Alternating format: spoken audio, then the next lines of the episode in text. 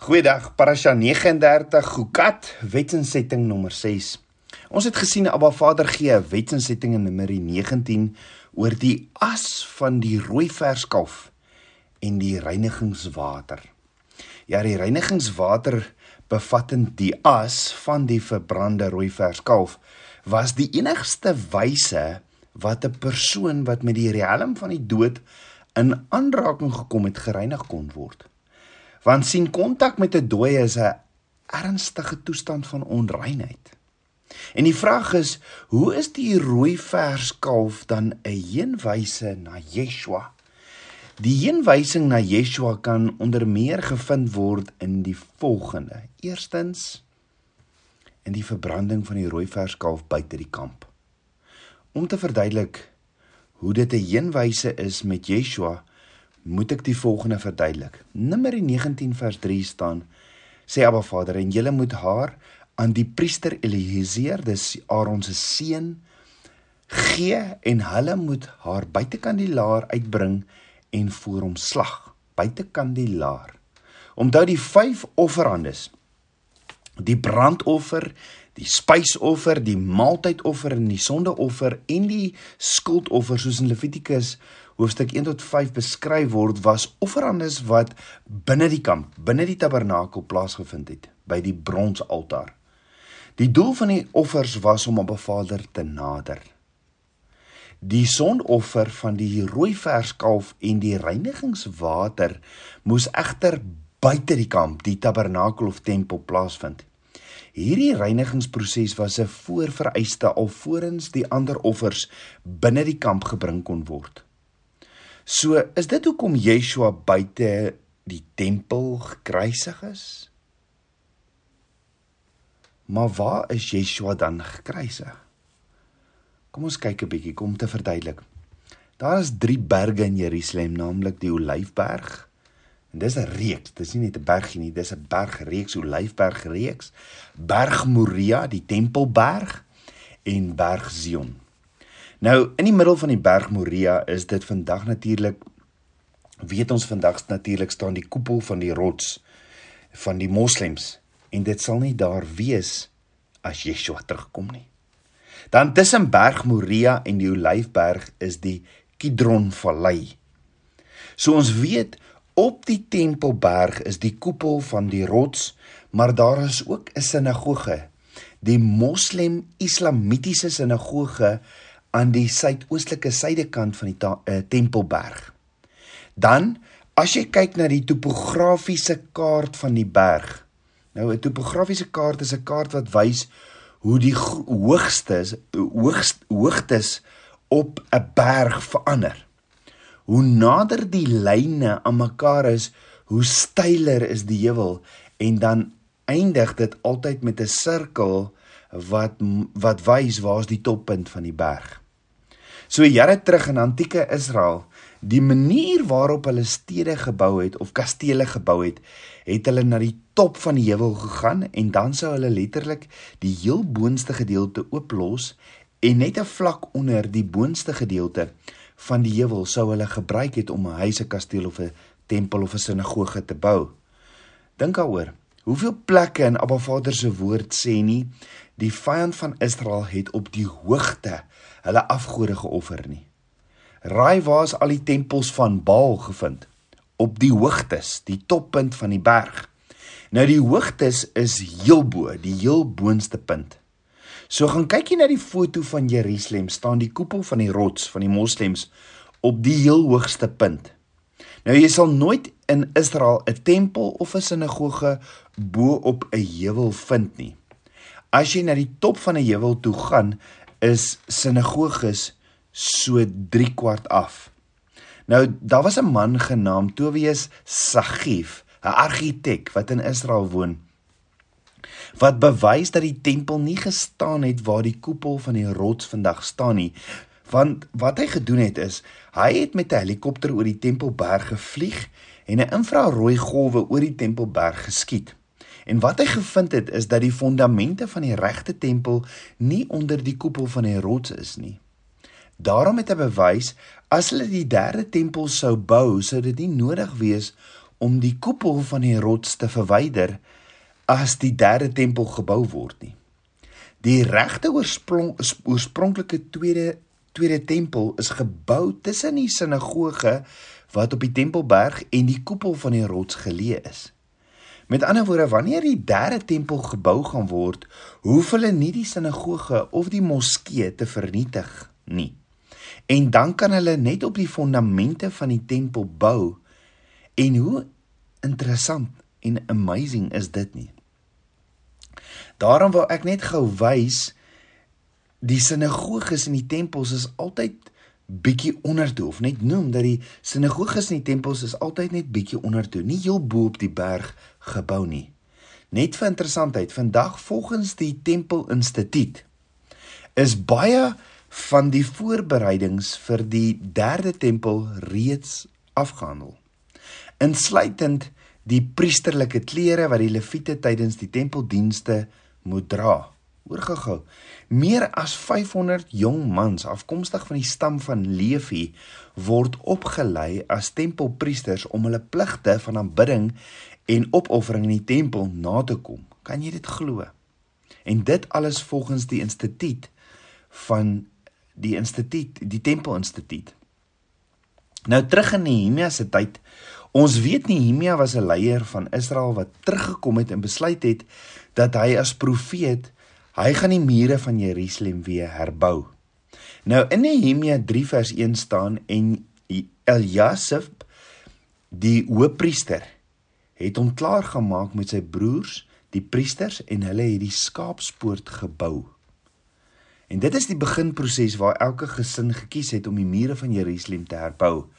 Hulle het by die skaapspoort begin en linksom gebou tot hulle weer by die skaapspoort gekom het. Nou Nehemia 3 vers 31 bevestig dit weer, maar dan praat hulle van die hek voor die skapspoort, die inspeksiehek. Die woord inspeksiehek in Hebreëus is mifkat. Wat beteken mifkat? Mifkat beteken command en die werkwoord of die rootwoord in Hebreëus beteken appointed place of om te tel. Ja, die werkwoord of die rootwoord in Hebreëus is pagat wat verder beteken 'n aangewese plek spesifiek vir 'n sensus of om getel te word. So dit maak dit nogal dit maak nogal sin hoekom hulle dit 'n inspeksiehek noem, nê. Nee. Hulle het dit 'n inspeksiehek genoem omdat dit 'n hek is waar hulle almal getel het en waar hulle jou kon ondersoek het as jy die stad of die tempel ingekom het. So waar was die die Mifkat hek nou weer geleë? Net voor die inspeksiehek, net noord en net oos van die inspeksiehek. So wat baie min van ons weet is dat die Mifkat hek van die Mifkat hek af was daar 'n brug. Ja, 'n drievlak brug wat oor die Kedron vallei gegaan het tot by die Olyfberg. Nou waarom sou hulle 'n brug, hoekom sou daar 'n brug gewees het van die Mifkatek tot by die Olyfberg? Om die rooi verskalf te offer. Want sien van die Mifkatek tot by die Olyfberg is daar duisende grafte en jy mag nie aan dooies raak nie anders word jy onrein. As jy nog in Jerusalem, as jy nog nie in Jerusalem was nie, teen die Olyfberg en die Kedron Vallei is daar duisende grafte. En jy mag nie 'n graf oorsteek nie, anders sou jy onrein uh seremonieel onrein word. Hoekom? Want as jy iets oorsteek of in iets dood raak, is jy onrein. Dan hoor wat sê Jesegiel 43 vers 21. Jy moet ook die sondeofferbul neem en dit verbrand op die vasgestelde plek van die huis sonder die heiligdom. Die woorde sonder die heiligdom beteken dis buite die tempelmure van Jerusalem. Nou nie baie dinge moes buite die mure van Jerusalem verbrand word nie, maar wel dinge wat met die dood te make was die natuurlike die natuurlik die die persone wat melaatsheid gehad het die man met melaatsheid die priesters moes buite die mure van Jerusalem gegaan het om hom te sien. Net so moes die rooi verskalf buite die mure van Jerusalem geoffer word op 'n bestemde plek wat Abba Vader sê in Numeri 19 vers 3 sê hy en julle moet haar aan die priester Eliezer gee en hulle moet haar buitekant die laar uitbring en voor hom slag. Dan hoor gehou, hierdie buitekant of bestemde plek in Hebreëus word genoem Mifkat. Hierdie hek wat beteken dit was die aangewese plek en hek wat gebruik was vir die hoëpriester en die priester wat hom sou volg om hierdie rooi verskalf te gaan offer buite die kamp. Hoor hierso. Die rooi verskalf sou ondersoek word vir 'n laaste inspeksie by hierdie Mifkat hek. En na die inspeksie hek en dan sou hulle die rooi verskalf geneem het oor die Kedron vallei tot by die Olyfberg. Nou daar staan in Eksodus 38 vers 28 en die silwer van die geteldes van die vergadering was 100 talente en 1775 sikkels volgens die sikkel van die heiligdom. Hoor weer daar staan en die silwer van die geteldes van die vergadering. Met ander woorde wat hulle gedoen het was hulle het die manne van Israel getel. Nou as jy die manne van Israel tel, wat word dit genoem? In die woord 'n sensus. Hulle doen dit nie meer nie, maar in die verlede het mense by jou huis omgekom en kom vra hoeveel mense woon in jou huis. Dit is wat hulle daai tyd ook gedoen het. Hulle het die mense getel wat genoem is 'n sensus. Skus toe. Nou soos genoem is die woord geteldes of numbered in Hebreëus is pagat wat hierdie roetwoord is van die hek nê wat beteken om te tel of om te nommer maar ook om te ondersoek. So almal word getel en by die hek genommer. Dan hoor wat sê Eksodus 38 vers 26, want dit draak net al hoe meer interessanter. Hoor wat sê Eksodus 38 vers 28. 'n Bekka vir elke persoon. Dit is 'n halwe sikkel volgens die sikkel van die heiligdom van elkeen wat oorgegaan het, wat oorgegaan het na die geteldes van 20 jaar oud en daarbo, naamlik 600 en 3 3550 man. Nou hier is waar dit baie interessant raak want ons het nou vasgestel dat die rooi verskalf uit die Mifkat hek oorkant die Kedron vallei geneem is en op die Olyfberg geoffer was. Maar in Eksodus 38 word daar gepraat van 'n bekka, dis 'n halwe eh, sekel vir elke man en dit is in hierdie sensus. So omdat ons 'n sensus 'n nommeringstelsel hier het, het ons mans wat genommer gaan word. Let wel. Aan die einde van van die tyd sal elke man ook genommer word. Maar hoor gou-gou. Wat is die Hebreëse woord vir man hierso? Vir elke man wat getel of genommer gaan word. Man in Hebreëus is Golgolath. Wat is Golgolath? Golgolath beteken 'n skal of 'n head of every man. Dit beteken elke man se kop, sy skedel sal getel word. In die eerste eeu was die inspeksiehek ook genoem Golgotha in Afrikaans Golgotha. Dit is nie 'n berg of 'n rots wat soos 'n skedel lyk nie. Dit het niks te doen met iets wat soos 'n skedel gelyk het nie. Nee, dit was die plek waar hulle die skedels getel het, ja. Nou om te verstaan moet ons verstaan wat het hulle in daardie dae gedoen met hulle tiendes. Wat hulle gedoen het, as hulle hulle tiendes getel het, het hulle hulle vee laat verbyloop en elke tiende een is met 'n stok op die kop geslaan. Is dit dalk ook hoekom hulle Yeshua op sy kop geslaan het? Omdat hy die tiende rooi vers kalf dalk verteenwoordig het? Maar dit is is die inspeksiehek of Golgotha of soos ons dit ken, Golgotha genoem, waar hulle hierdie getel het.